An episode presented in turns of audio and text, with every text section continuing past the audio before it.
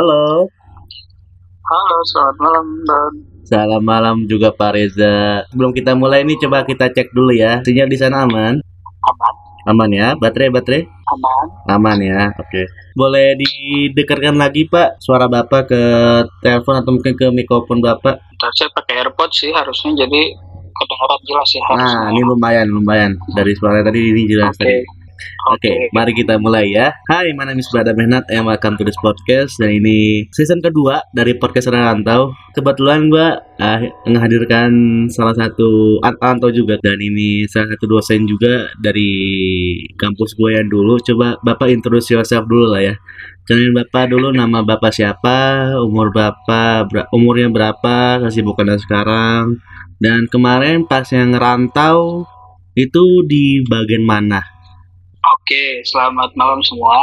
Terima kasih Bana sudah mengundang saya dalam podcast anak rantau untuk eh, season 2-nya ini. Eh, nama saya Reza. Eh, sekarang saya eh, dosen di Sekolah Tinggi Pariwisata Bandung. Lebih tepatnya di program studinya Bana dulu, di program studi manajemen konvensi dan event. Kemudian kesibukan sekarang mengajar bahasa Prancis dan eh, mengajar di eh, Institut Français juga atau Institut Prancis Indonesia di Bandung.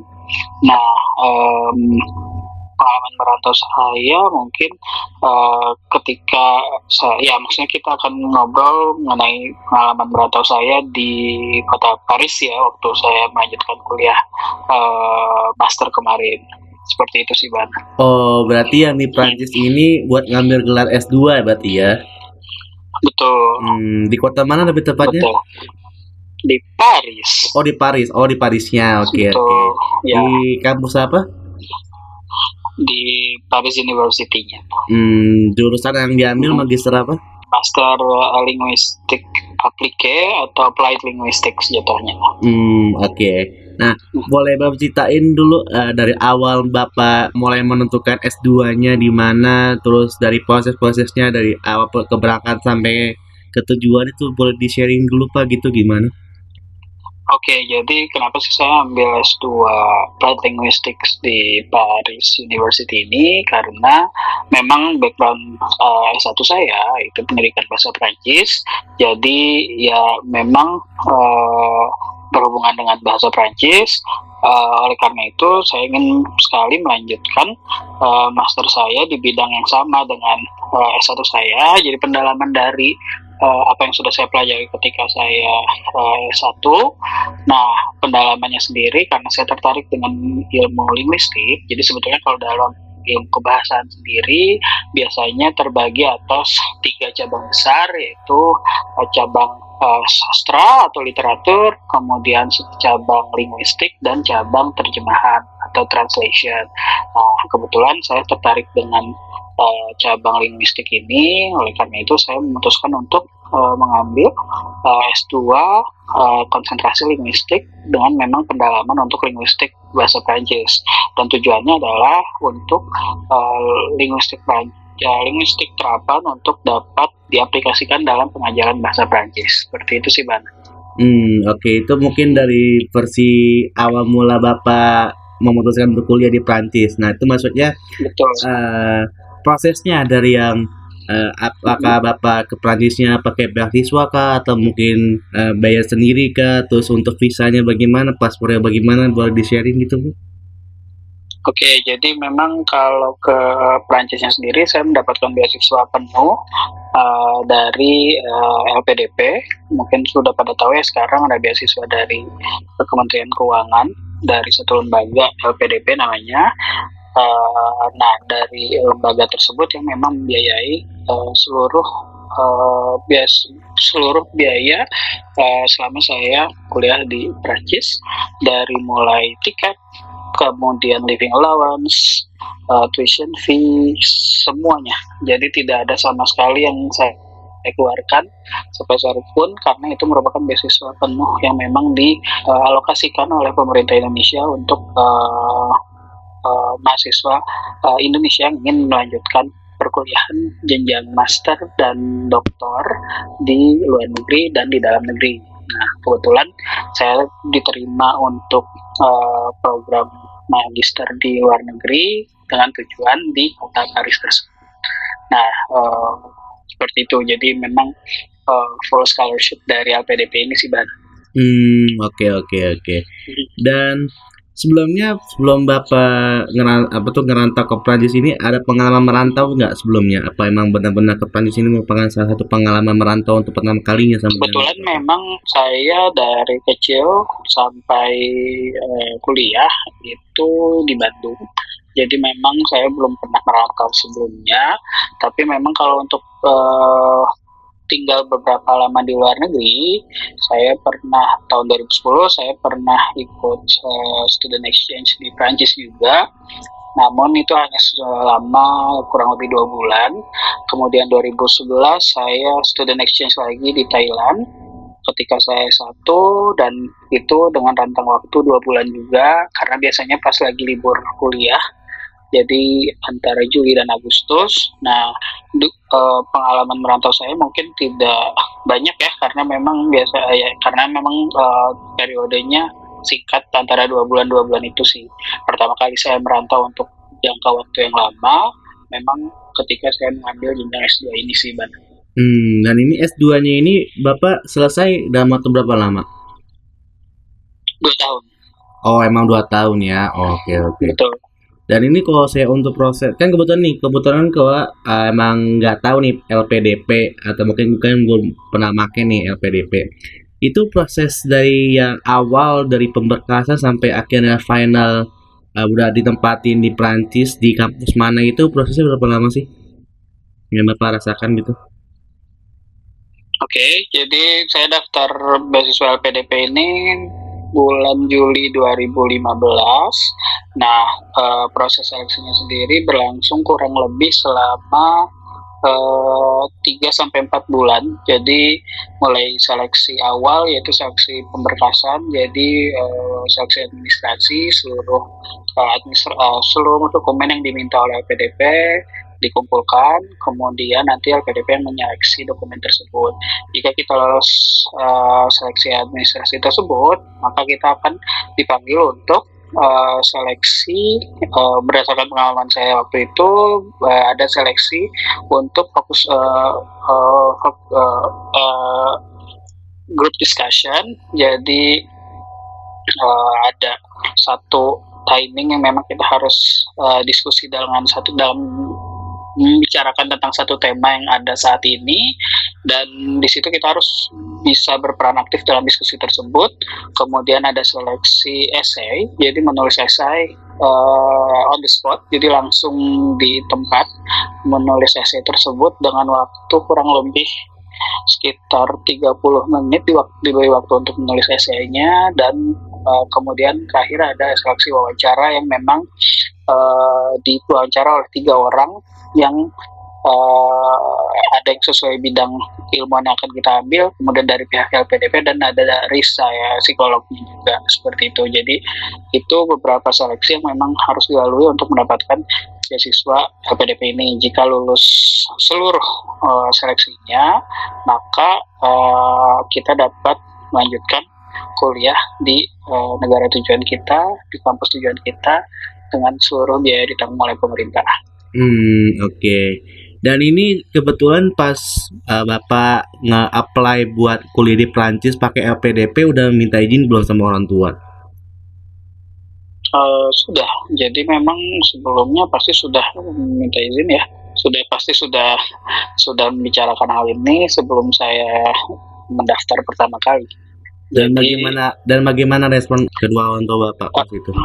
Ya sangat mendukung dan karena memang sudah biasa juga. Jadi sejak 2010 sejak zaman S1 saya sudah uh, beberapa kali uh, student exchange di Prancis dan di Thailand juga. Jadi ya untuk master ini tidak ada hambatan apa pun sih. Jadi full support 100%.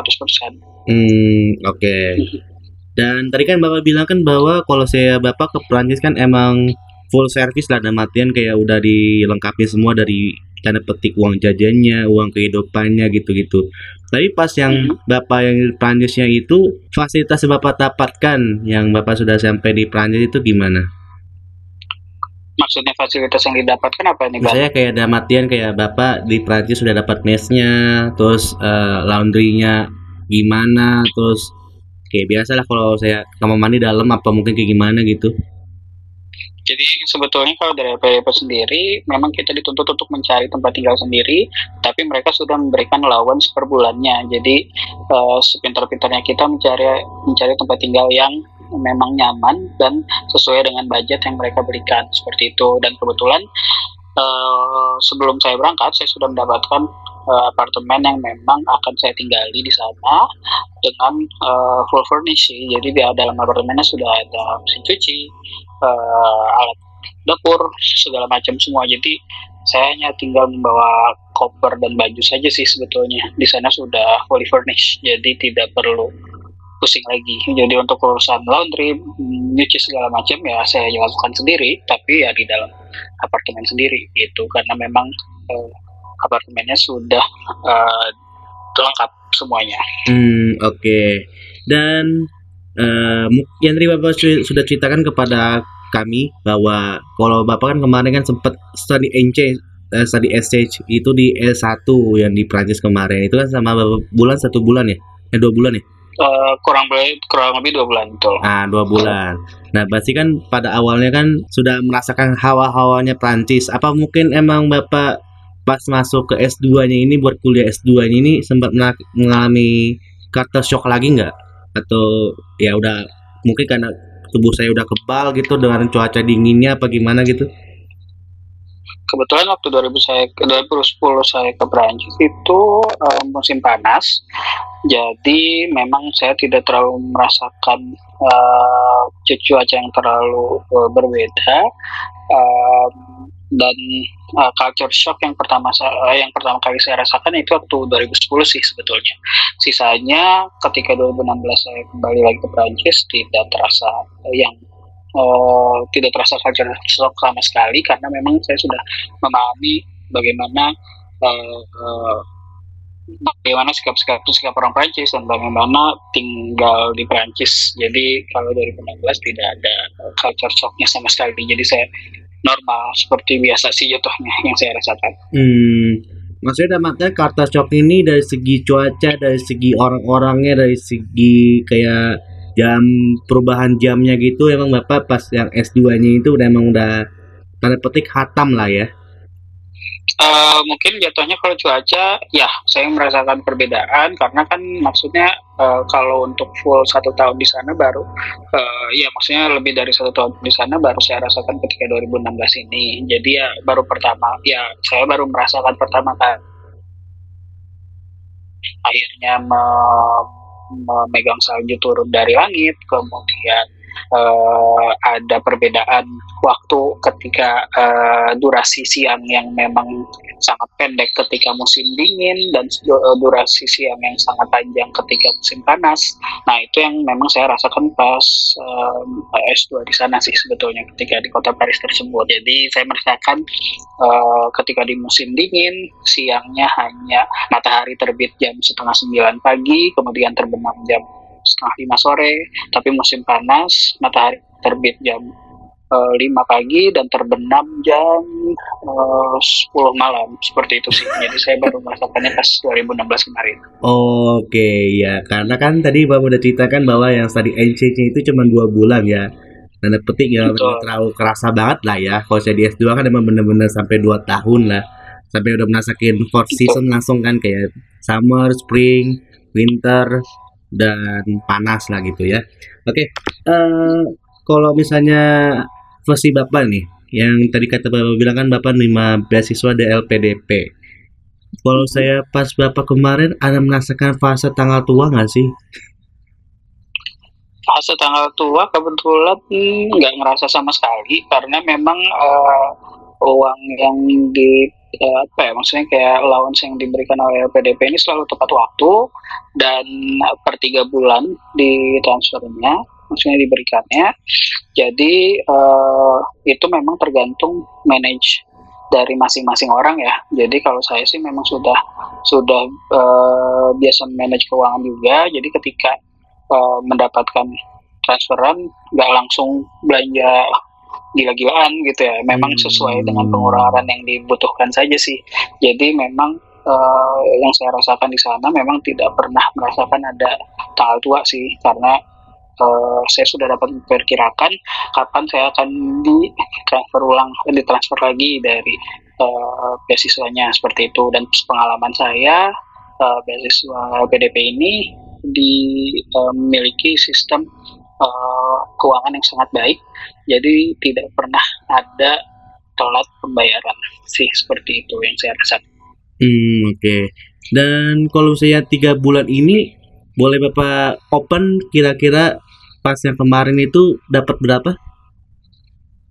Mungkin uh, semua yang dapat LPDP juga tahu ya maksudnya kayak uh, kalau LPDP itu tergantung kota dan tergantung negara yang kita uh, tinggali. Jadi setiap negara punya standar uh, biaya hidup yang berbeda-beda. Nah, kalau di Prancis sendiri itu allowance yang diberikannya 1.300 euro per bulan. Oh, 1.300 per bulan tapi ditransfernya per tiga bulan berarti ya?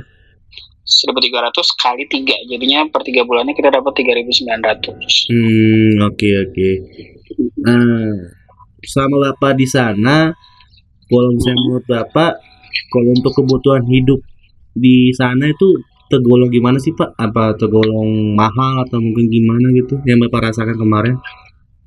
ya kalau kota Paris ya Paris sih memang salah satu kota dengan biaya hidup tertinggi di dunia ya jadi memang uh, biaya hidupnya memang termasuk yang sangat tinggi dibandingkan eh, negara-negara uh, lain yang ada di Eropa nah jadi Paris yang memang sudah tertinggi jadi ya merasakan sih bagaimana uh, living cost yang saya rasakan di Paris. Nah, kebetulan kalau Paris sendiri itu yang paling tinggi adalah biaya tempat tinggal. Jadi uh, jika kita ingin tinggal di tengah kota Parisnya, maka biaya tinggal biaya tempat tinggalnya akan semakin mahal dan sangat mahal.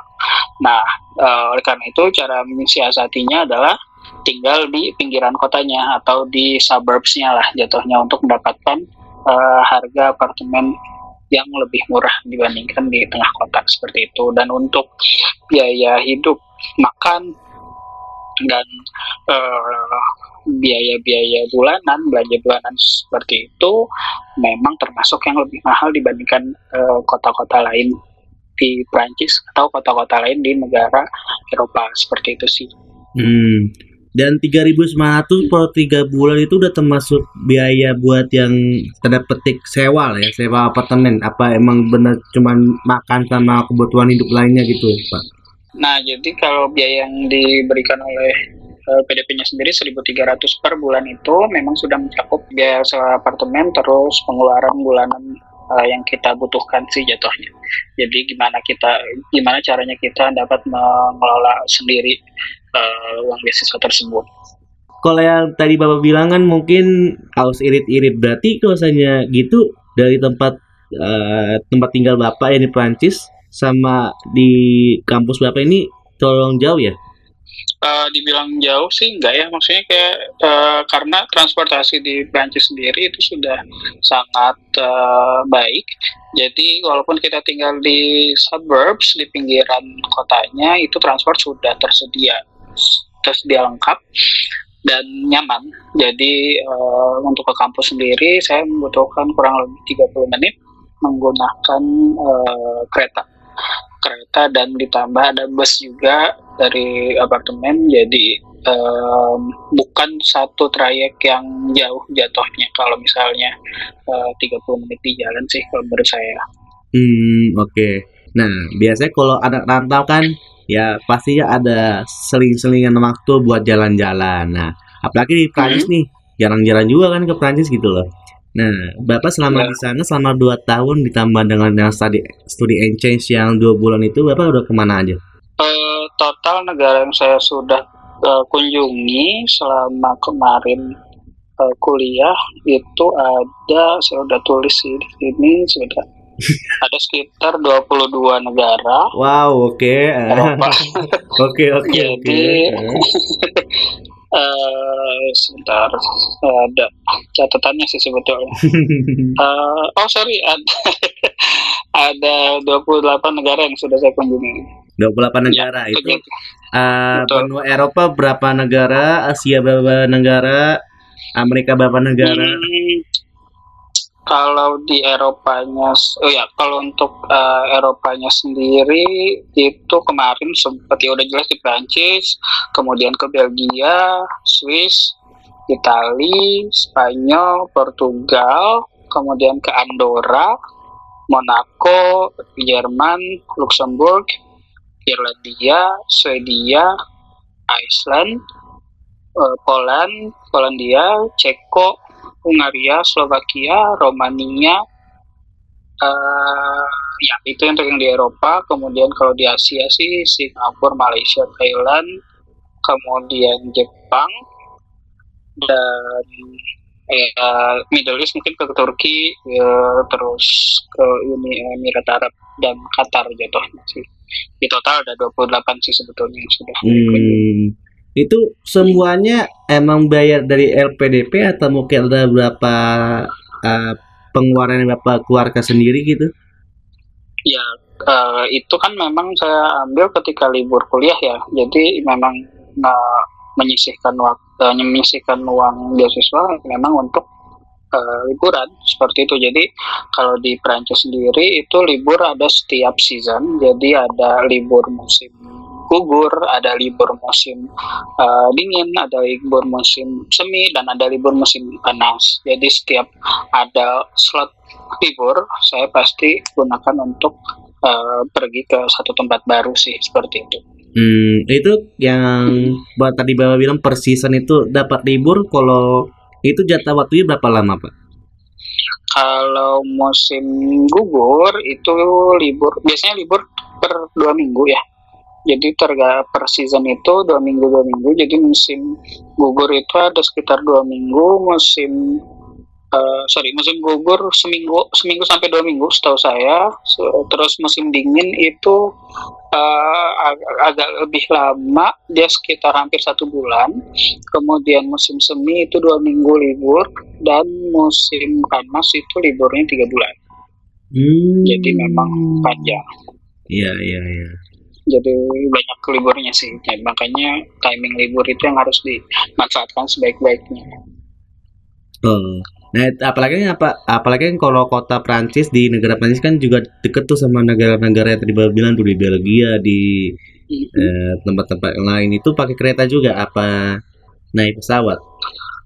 Uh, kalau uh, transportasi yang saya gunakan uh, itu memang tergantung tiket. Jadi saya memang selalu cek uh, saat, jadi kalau di Eropa kita mau bepergian tuh ada satu website untuk mengecek transportasi seluruh ke seluruh transportasi namanya Omio.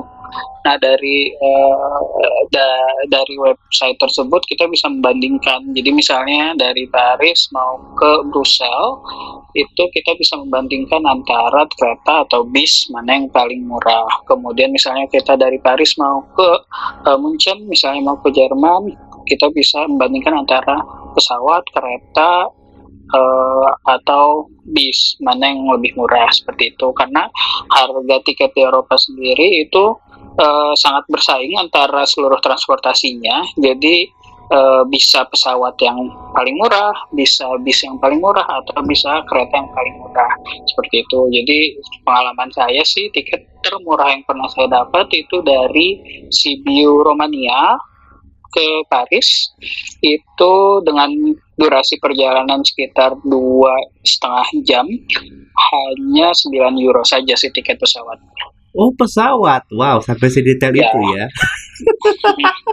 Jadi memang harus sering-sering uh, cek tiket sih kalau misalnya kita mau uh. liburan dan kebetulan uh, di Eropa sendiri karena mereka maskapainya banyak, kemudian persaingannya juga sangat ketat, jadi harga tiketnya bisa diobral gede-gedean sih kalau memang uh, kita tak kita uh, apa ya sering cek-cek uh, transport seperti itu sih. Hmm, oke. Okay. Nah, ini untuk di Prancis sendiri nih. Uh, mm-hmm. Kan mungkin tadi Bapak bilang kan udah perjalanan udah berapa negara lah. Itu udah dari luar konteks. Nah, itu kalau saya di Prancis sendiri, Bapak pernah nggak ke suatu destinasi wisata atau destinasi tempat gitu yang menurut Bapak itu aksesnya susah banget buat dikunjungin? Dan itu pun uh, uh, jarang orang tahu gitu loh. Pernah nggak sang? Mungkin ada satu tempat namanya Provence di selatan Prancis yang mungkin kalau misalnya teman-teman lihat itu ada ladang lavender, ladang bunga matahari yang luas banget. Nah, memang daerah Provence ini di uh, disarankan untuk mengambil paket tour atau menyewa mobil sendiri. Karena memang uh, daerah pedesaan banget dengan uh, awal ada transportasinya tapi uh, tidak sering dan tidak banyak. Oleh karena itu jadi waktu itu saya sih memutuskan untuk nyewa mobil sendiri uh, untuk untuk jalan-jalan di daerah Provence ini sih daerah selatan di selatan Prancis dan memang kalau untuk mengunjungi kebun lavender ladang lavender ladang uh, bunga matahari sampai main kayak di Gorge de Verdon namanya ada daerah Provence juga itu memang kita harus bawa kendaraan sendiri sih. Karena memang untuk akses ke sananya jika menggunakan transportasi umum agak complicated dan tidak banyak jatuhnya seperti itu. Hmm, itu jadi itu jarak waktu perjalanannya berapa lama pak? Kalau dari Paris sendiri ke daerah ke Provence itu dengan kereta cepat sih sekitar tiga jam setengah sampai empat jam uh, jaraknya hmm, sama kayak dari Jakarta ke Surabaya lah hmm. uh, sekitarnya segitu dan uh, karena ya karena memang kereta cepat di Prancis sudah di sudah menjangkau ke seluruh kota jadi ke mana-mana sih mudah ya jadi nggak ada yang jauh-jauh amat kalau di Prancis jadi nggak akan lama lah istilahnya di perjalanannya.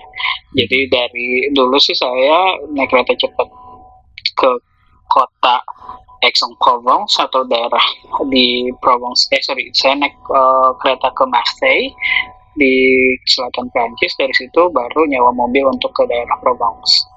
Hmm, tapi kalau tempat wisata itu gratis atau ada bayarnya pak? Kalau ke ladang lavender itu gratis, maksudnya kayak kita kayak kunjung, kayak kita naik mobil terus berhenti di tengah sawah gitu. Kita mau main ke tengah ke tengah-tengah ladangnya juga nggak ada masalah, itu nggak bayar sama sekali. Hmm, ya ya ya. Untungnya di orang Eropa berarti tertib ya. Kalau saya di Indonesia pernah tuh ada salah satu wisata yang ladangnya bunga semua, tiba-tiba besoknya udah langsung hancur. iya kalau di situ sih mungkin karena memang orang-orang juga uh, bukan tipikal yang apa ya istilahnya kita karena tujuannya untuk mengapresiasi ya jatuhnya ingin menikmati suasana jadi memang nggak uh, apa ya istilahnya nggak nggak nggak rusak sih memang dan uh, apa ya mungkin tabiat orang-orangnya juga berbeda jadi memang orang-orang ke sana yang tujuannya memang ingin melihat dan uh, mengapresiasi at least mencium uh, lavendernya tapi nggak pernah sampai metik sih karena memang tidak disarankan tidak di tidak diperbolehkan untuk memetiknya seperti itu sih jadi hmm. tapi untuk jalan-jalan di ladangnya sih nggak ada masalah iya iya iya oke okay. wow ini lumayan panjang dan gue juga nggak nyangka sih ternyata dapat termasuk salah satu beasiswa di LPDP hmm, Oke, okay. ini pertanyaan terakhir sebelum kita menutup episode pada kali ini. Coba Bapak okay. kasih kesan pesan lah sama Bapak berkuliah di S2 yang dari awal kita sudah sharing bahwa Bapak mendapatkan beasiswa dari LPDP, terus sebelumnya ini merantau ke berapa kalinya dan ya kita bisa uh, review-review sebentar bahwa perjalanan dari rantaunya Bapak itu so menarik sih coba bapak uh, berikan dulu kesan pesan lah untuk menutupi episode pada kali ini. Oke, jadi menurut saya sih saran dari saya ketika uh, jika ingin mendapatkan beasiswa untuk uh, program master ataupun program doktoral yang harus kita uh, kumpulkan atau yang harus kita pupuk sejak dini adalah uh, pengalaman uh, berkuliah ketika kita S1-nya. Jadi uh, pengalaman S1 ini merupakan uh, timing yang sangat uh, krusial dan nggak bisa diulang lagi. Jadi sebisa mungkin ketika S1 ini tuh banyak soft skill dan pengalaman-pengalaman yang didapat di uh, tidak hanya di kuliah tapi di luar kuliah seperti itu. Jadi uh, IPK tetap diprioritaskan utama karena untuk daftar beasiswa pasti semuanya minta IPK minimal uh, 3,0 atau even di atas 3,5. Jadi uh, itu syarat utama untuk bisa dapat beasiswa dan juga kalau misalnya daftar CPNS ya, kalau misalnya tertarik karena IPK sendiri bukan hal yang dapat diremehkan. Kemudian uh, selanjutnya yaitu pengalaman yang harus kita uh, gali dan kita dapatkan selama S1 ini uh, sebanyak mungkin uh, pengalaman yang memang berguna untuk memupuk soft skill kita seperti itu. Jadi jika ada pengalaman untuk dapat me, dapat student exchange, uh, mencoba student exchange, kemudian ada seleksi untuk student exchange, ada seleksi untuk uh, duta pariwisata atau seleksi untuk menjadi uh, apa ya istilahnya ada uh, pengalaman yang bisa mengasah soft skill untuk S1 itu harus dicoba banget dan harus uh, didapatkan karena itu menjadi salah satu pertimbangan ketika kita mengambil S2 nanti. Jadi uh, pemberi beasiswa biasanya dia uh, tidak hanya melihat kita secara akademik tetapi bagaimana pengalaman kita secara non akademiknya jadi mereka lebih prefer orang yang banyak aktivitas uh, soft skill yang didapatkan.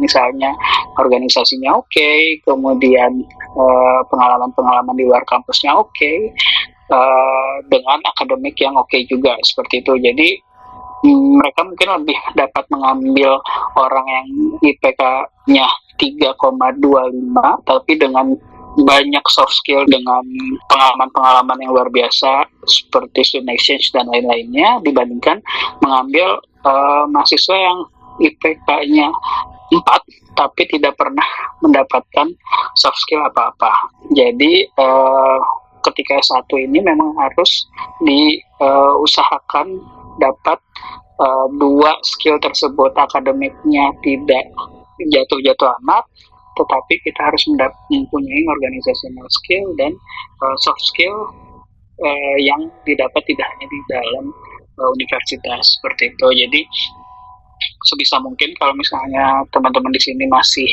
uh, berkuliah satu jadi dapatkan sebisa mungkin sebanyak banyaknya mungkin pengalaman-pengalaman yang memang tidak akan didapat ketika di jenjang S2 atau S3 seperti itu dan soft skill ini berguna juga nanti ketika uh, bekerja seperti itu. Jadi soft skill misalnya uh, soft skill dalam pemrograman atau buat video, video maker atau uh, talent-talent apa pun lah istilahnya public speaking segala macam yang memang kebanyakan itu uh, kita bisa dapatkan periodenya adalah ketika kita kuliah S1 seperti itu. Nah, jadi uh, sebisa mungkin di diasah dan digali uh, ketika periode S1 ini itu sih sebetulnya jadi untuk uh, uh, agar dapat memuluskan lah istilahnya kalau misalnya mau dapat beasiswa untuk uh, jenjang berikutnya. Karena dari si uh, pemberi beasiswa pun mereka tidak ingin menerima anak yang biasa-biasa uh, saja gitu. Jadi mereka pasti melihat Eh, kriteria kriteria kriteria lain dan background yang lain sebelum mereka dapat memutuskan anak tersebut layak atau tidak diberikan beasiswa. Seperti itu sih. Jadi uh, akademik tetap nomor satu tetapi jangan lupakan bahwa ada soft skill dan organizational skill yang uh, kita tidak bisa dapatkan hanya jika kita uh, di kampus saja. Jadi carilah pengalaman sebanyak-banyaknya ketika uh, kuliah seperti itu sih jadi jangan uh, jangan uh, apa ya jangan banyaklah bergaul dan banyaklah uh, menambah uh, koreksi menambah teman di uh, di berbagai bidang juga. Ikutan organisasi yang di luar kampus pun sangat dianjurkan dan pilihlah organisasi atau uh, perkumpulan mahasiswa yang memang memberikan benefit untuk soft skill kita gitu. Jadi pinter-pinternya kita uh, lihat juga gitu organisasi ini membantu saya untuk uh, meningkatkan soft skill saya atau tidak seperti itu karena percuma jika ikut organisasi tapi ternyata uh, hanya buang-buang waktu seperti itu sih sebelumnya thank you atas kehadiran Bapak untuk bisa meluangkan waktu di podcast saya ini. Maaf sebelumnya udah ganggu aktivitas Bapak sebelumnya. Uh, okay. Thank you atas sharing-sharing. Thank you atas sharing-sharingnya. Mungkin uh, pengalaman tersebut udah lama juga ya. Udah ada kali tiga empat tahun sebelumnya ya. Ya mungkin Ya, saya berangkat 2016, pulang 2018. Ya, sekitar segitulah. Berarti pan, sebelum pandemi lah kalau saya sudah pandemi ngapain ya. juga ke Prancis. Di sini juga bisa ke online. Rasanya tapi beda. iya, betul. Makanya kan dihadirkan juga podcast Rantau yang bisa menjadi wadah untuk uh, memberikan cerita-cerita bagi anak-anak rantau yang sebelumnya kuliah di luar negeri atau mungkin keluar uh, kuliah di tempat yang lain terus uh, mengambil kerja di tempat yang lain. Pokoknya hitungannya di luar dari tempat dia domisili itu namanya termasuk anak rantau. Dan ini termasuk susah juga sih untuk dikontak Oke, okay, terima kasih atas waktunya, ya. terima kasih atas uh, kolaborasinya. Semoga ini bisa bermanfaat bagi kalian semua dan terima kasih atas waktunya dan sampai jumpa. Dadah. Yo, selamat malam.